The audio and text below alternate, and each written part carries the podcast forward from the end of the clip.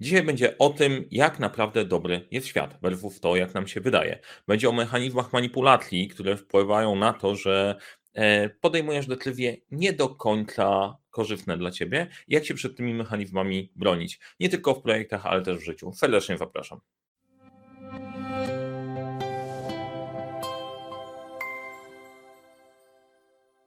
Cześć, nazywam się Mariusz Kapufta. Uczę, jak rozpocząć i kończyć sukcesem projekty w świecie, w którym brakuje czasu, brakuje zasobów, za to nie brakuje problemów i z moim zespołem pomagamy te problemy rozwiązywać. E, jeżeli interesuje Cię tematyka warządzania, warządzania projektami, no to na tym kanale znajdziesz sporo tej wiedzy, dużo z Was to pewnie wie, więc ci, którzy jeszcze nie subskrybują i nie dzwoneczkują, zasubskrybujcie ten kanał, tak żeby niczego nie przegapić, zadzwoneczkujcie, jak dacie like w którymś momencie, bo Wam się spodoba ten film, to będzie mile widziane.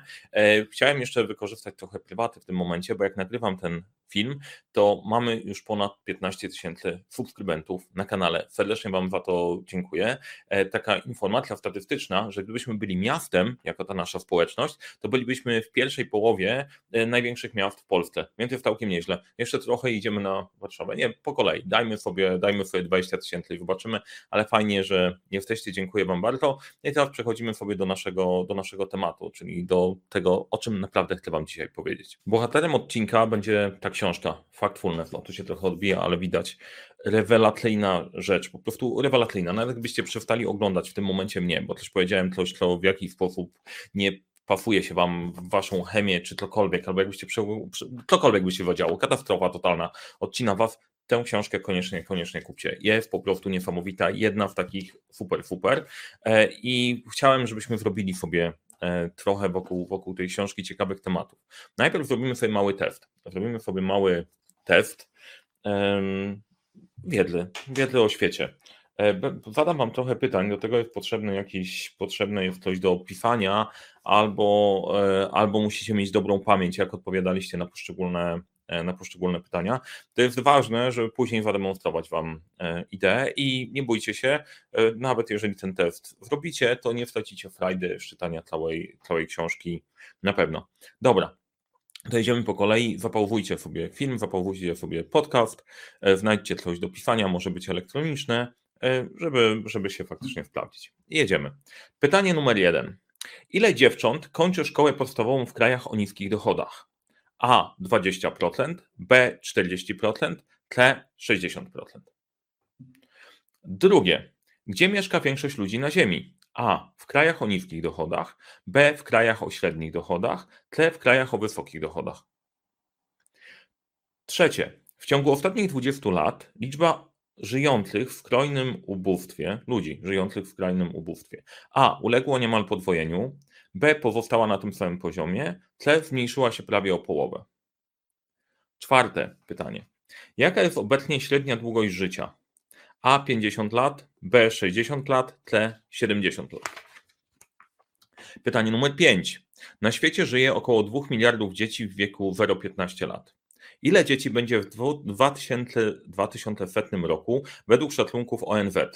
A 4 miliardy, B 3 miliardy, C 2 miliardy. Szóste pytanie. ONZ przewiduje, że do roku 2100 populacja na świecie zwiększy się o kolejne 4 miliardy ludzi. Z jakiego powodu? A. Wrośnie liczba dzieci poniżej 15 roku życia. Wzrośnie liczba osób dorosłych w wieku 15-74 lata. C. Wzrośnie liczba osób w podeszłym wieku powyżej 74 roku życia. Pytanie numer 7. Jak zmieniła się liczba zgonów spowodowanych klęskami żywiołowymi? A. Zwiększyła się ponad dwukrotnie, B. Pozostała bez zmian, C. Zmniejszyła się o ponad połowę. Ósme pytanie w książce jest graficzne, więc to przeskoczymy, ale zaznaczcie sobie 8, że nie odpowiadaliście, żebyśmy później trzymali się odpowiednich pytań. Dziewiąte. Jaki procent rocznych dzieci na świecie poddano szczepieniom? A 20%, B 50%, C 80%. Pytanie numer 10. Biorąc pod uwagę światową średnią, edukacja przeciętnego 30-letniego mężczyzny trwa 10 lat. Ile lat trwa edukacja kobiety w tym samym wieku? A 9 lat, B 6 lat, C 3 lata. Jedenaste pytanie. W 1996 tygrysy, pandy wielkie oraz czarne nosorożce znajdowały się na liście zwierząt zagrożonych. Które spośród tych gatunków obecnie sklasyfikowano jako najbardziej zagrożone wyginięciem? A. Wszystkie trzy, B. Jeden, C. Żaden. Dwunaste. Jaki procent ludzi na świecie ma w jakimś stopniu dostęp do elektryczności? A 20%, B 50%, C 80%. 13. Klimatolodzy uważają, że, że przez następnych 100 lat średnia temperatura na Ziemi A wzrośnie, B pozostanie bez zmian, C spadnie. No i to jest koniec, koniec testu i teraz podam, podam Wam odpowiedzi. Sprawdźcie sobie, jak Wam, jak wam poszło. Pytanie numer jeden. 6, e, odpowiedź C. 60% dziewcząt kończy szkołę podstawową w krajach o niskich dochodach. Pytanie numer dwa. B. Większość ludzi na Ziemi mieszka w krajach o średnich dochodach. Pytanie numer trzy. E, w ciągu ostatni... E, pytanie numer 3 będzie odpowiedź C. W ciągu ostatnich 20 lat liczba ludzi żyjących w skrajnym ubóstwie zmniejszyła się o prawie połowę. Czwarte. Jaka jest obecna średnia długość życia? C. 70 lat. Piąte. Odpowiedź C. Na świecie żyje około 2 miliardów dzieci w wieku 0-15 i w 2100 też będzie żyło 2 miliardy dzieci. Szóste. Odpowiedź B. ONZ przewiduje, że do, do 2100 roku populacja na świecie zwiększy się o 4 miliardy ludzi, z tego powodu, że wzrośnie liczba osób dorosłych w wieku 15-74 lata. Siódme pytanie, siódme C. E, liczba zgonów spowodowanych klęskami żywiołowymi zmniejszyła się o ponad połowę. Ósme, nie odpowiadaliśmy. Dziewiąte. E, jaki procent rocznych dzieci na świecie poddano szczepieniom? Odpowiedź C. 80%. Dziesiąte, odpowiedź A. Biorąc pod uwagę światową średnią, edukacja przeciętnego 30-letniego mężczyzny trwa 10 lat, kobiety trwa 9 lat. Jedenaste, odpowiedź C. W 1996 roku tygrysy, pandy wielkie oraz czarne znajdowały się na liście zwierząt zagrożonych. W tym momencie żadne z nich na tej liście się nie znajduje. Dwunaste. Jaki procent ludzi na świecie żyje w, stop, w jakimś stopniu dostępu do elektryczności? Odpowiedź C. 80%. Trzynaste. Klimatolodzy uważają, że przez następnych 100 lat A temperatura na Ziemi wzrośnie. Odpowiedź A. No i pytanie, jak Wam poszło z tymi odpowiedziami? Jaki procent odpowiedzi macie, e, macie dobry? To jest dosyć ciekawe, bo e, kamienie miałyby 33%. E, o to chodzi z kamieniami. Z kamieniami chodzi o to, jest taka gra, ludzie versus kamienie. Bardzo śmieszna, proponuję Wam ją zakupić tak samo jak książkę też. E, najważniejsza rzecz, nie mam żadnej prowizji od sprzedaży tej książki. Ten odcinek powstał z mojej inicjatywy, żadnego wydawnictwa i tak dalej, tak na wszelki wypadek, jakby ktoś pytał. Po prostu to jest dobre. I ta gra też jest świetna. Ludzie versus kamienie. Na czym polega ta gra? Ta gra polega na tym, że e, mamy trzy kamyczki, takie jak na obrazku, i te kamyczki z jednej strony są puste, z drugiej strony mają zaznaczone kreseczki. I są pytania różne. I gra polega na tym, że są ludzie, z drugiej strony są kamienie. Wszyscy gramy razem, zespół ludzi. Jest pytanie, zastanawiamy się nad odpowiedzią, odpowiadamy i potrząsamy pudełkiem, w którym są kamienie, gdzie losowo e, kamienie mogą pokazać 0, 1 albo 2 i w ten sposób odpowiadamy na pytania. Bardzo często się okazuje, że kamienie szybciej dochodzą do mety niż ludzie. E, czyli całkiem losowe odpowiedzi są dużo lepsze niż, e, e, niż jakieś oparte na wiedzy, która jest błędna. Więc jeżeli macie wynik niższy od 33%, to znaczy, że przegralibyście z kamieniami przy podejmowaniu decyzji. To prowadzi do ciekawego wniosku, że być może w zespole warto by było mieć kamienie zamiast ludzi. Nie? To interesujące. Natomiast e, ciekawostka. Sama książka. Książka jest genialna, bo pokazuje, że my podejmujemy decyzje bazując na informacjach, które gdzieś dostaliśmy w szczątkowy sposób, albo lepiej, liderzy, którzy w tym momencie zarządzają światem, podejmują decyzje na podstawie wiedzy sprzed lat 10, dziesiątek lat, bo wtedy byli edukowani, a świat się zmienił i się zmienia. Teraz przekładając to na życie, co to ma do, co to ma do mojej rzeczywistości? Po pierwsze, mój insight, mój, e, mój osobisty jest taki. Warto, e, e, założenie jest takie, wiem, że większość rzeczy mi się wydaje, o większości rzeczy po prostu nie mam pojęcia. Tak samo jak każdy z nas, o większości rzeczy nic nie wiemy. Znamy się na pewnym obszarze, który mocno zgłębiliśmy, w nim się poruszamy, ale większość rzeczy nam po prostu się wydaje. Teraz, zanim podejmę jakąś mega decyzję albo wyrobię sobie ocenę, staram się sprawdzić źródła. Ta książka bardzo mi pomogła, żeby nie łapać pierwszego komunikatu, który wydaje się bardzo catchy, wyjaśniający świat, bo być może pod spodem rzeczywistość jest troszeczkę bardziej włożona. I to się przekłada też na pracę na projektach, e, na pracę zarządczą i cokolwiek. Podejmowanie szybkiej decyzji, bo mi się wydaje, najprawdopodobniej nie rozwiąże e, problemu, uspokoi gadzi mózg, który pomyśli, ok, w porządku, to coś przecież tym zrobiliśmy, trzeba sięgnąć trochę głębiej, oprzeć się o dane. I e, w książce Autor mówi o kilku instynktach, które mamy związane z, związane z danymi, z rzeczywistością, postrzeganiem rzeczywistości, które sprawiają na to, że pakujemy się w pewne pułapki e, i za szybko podejmujemy decyzję, bo nie jesteśmy sobie w stanie z tym do końca poradzić. Mózg mamy tak skonstruowany. Ja o części tych instynktów, instynktów Wam opowiem, ale nie o wszystkich, znajdziecie resztę w książce.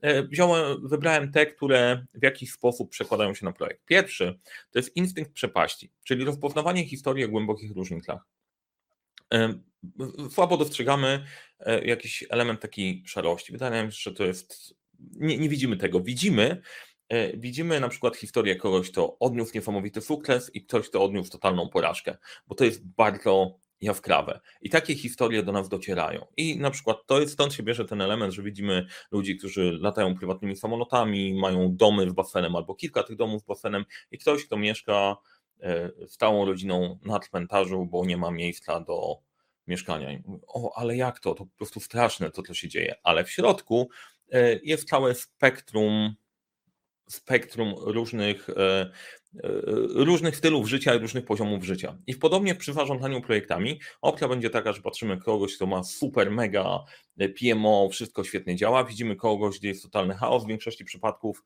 jesteśmy gdzieś tak, gdzieś tak pomiędzy. I teraz, żeby nie postrzegać świata na zasadzie przepaści, E, najczęściej tej przepaści nie ma. Najczęściej mamy jakieś spektrum od czegoś mega jaskrawego na top do czegoś bardzo mocno na dole. To też sprowadza trochę do takiej sytuacji, że najprawdopodobniej w większości rzeczy my jesteśmy gdzieś po prostu w tej części średniej, w tej po prostu szarości. To jest ok. Jak patrzymy tylko i wyłącznie na E, na kogoś, kto na przykład jest super mega w jakimś obszarze, to można się dosyć łatwo zdołować. Więc to jest ciekawe. Instynkt postrzegamy, postrzegamy te różnice, często nie widzimy środka, a w środku jest ukryta większość odpowiedzi i rozwiązań tak naprawdę. Ale to jest szare i nie jest do końca ciekawe. Kolejny instynkt to jest instynkt pesymizmu. Rozpoznajemy wiadomości o zabarwieniu negatywnym. Więc zauważyliście, że to, to jest w ogóle w ogóle ciekawe. E, jak e, prowadzę na przykład szkolenie, na koniec proszę o plusy i delta, to się podobało, to się nie podobało. Plusów jest zdecydowanie więcej, czasem się pojawi jedna delta. E, I na plusy zwracam uwagę mniej, niż na tą, na tą deltę. Zawsze jak e, ktoś prowadzi szkolenie na początku e, swojej drogi trenerskiej albo czegokolwiek, cokolwiek robicie, to zbieracie opinie, zbieracie feedback i e, mniejszą wagę przywiązujemy do tych elementów, które były na plus, szukamy, co się komu nie podobało, co się komu nie podobało. Być może tylko ja tak mam, przecież nie, ja wiem, że nie tylko ja tak mam, dużo osób tak ma. Wyłapałem to u siebie kiedyś, że to jest bez sensu, nie? Mam 50 parę plusów, mam dwa, dwie delty do, do rozważenia patrzę, co z tymi deltami można zrobić. To też jest w miarę naturalne, ale to jest ciekawe, warto sobie to przekalibrować trochę, żeby się żeby się nie pogubić. Rozpoznajemy te wiadomości o zabarwieniu negatywnym, dlatego że e, kiedyś świat, świat nie był tak przyjazny jak teraz. Musimy walczyć o przetrwanie. I żeby walczyć o przetrwanie, wszelakie potencjalne rzeczy, które mogą nam grozić, musimy na nie zwrócić uwagę.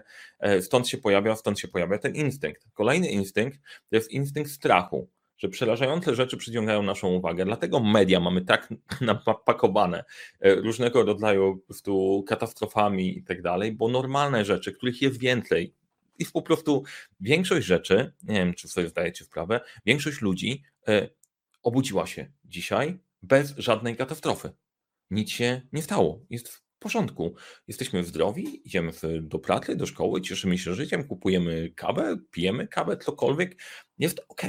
No i jak taki news ma się sprzedać? Dzisiaj po prostu 99,99% ,99 ludzi wstała normalnie, tak jak zwykle do pracy, poszła sobie do pracy. Aha, czyli nic wielkiego się nie wydarzyło, to nie przyciąga uwagi, więc musimy walnąć, po prostu coś wybuchło, jest jakiś kataklizm i kolejna rzecz, to wtedy się przekłada na to, że ty zaczynasz, jak jesteś bombardowany takimi impulsami, zaczynasz postrzegać świat dokładnie w taki sposób.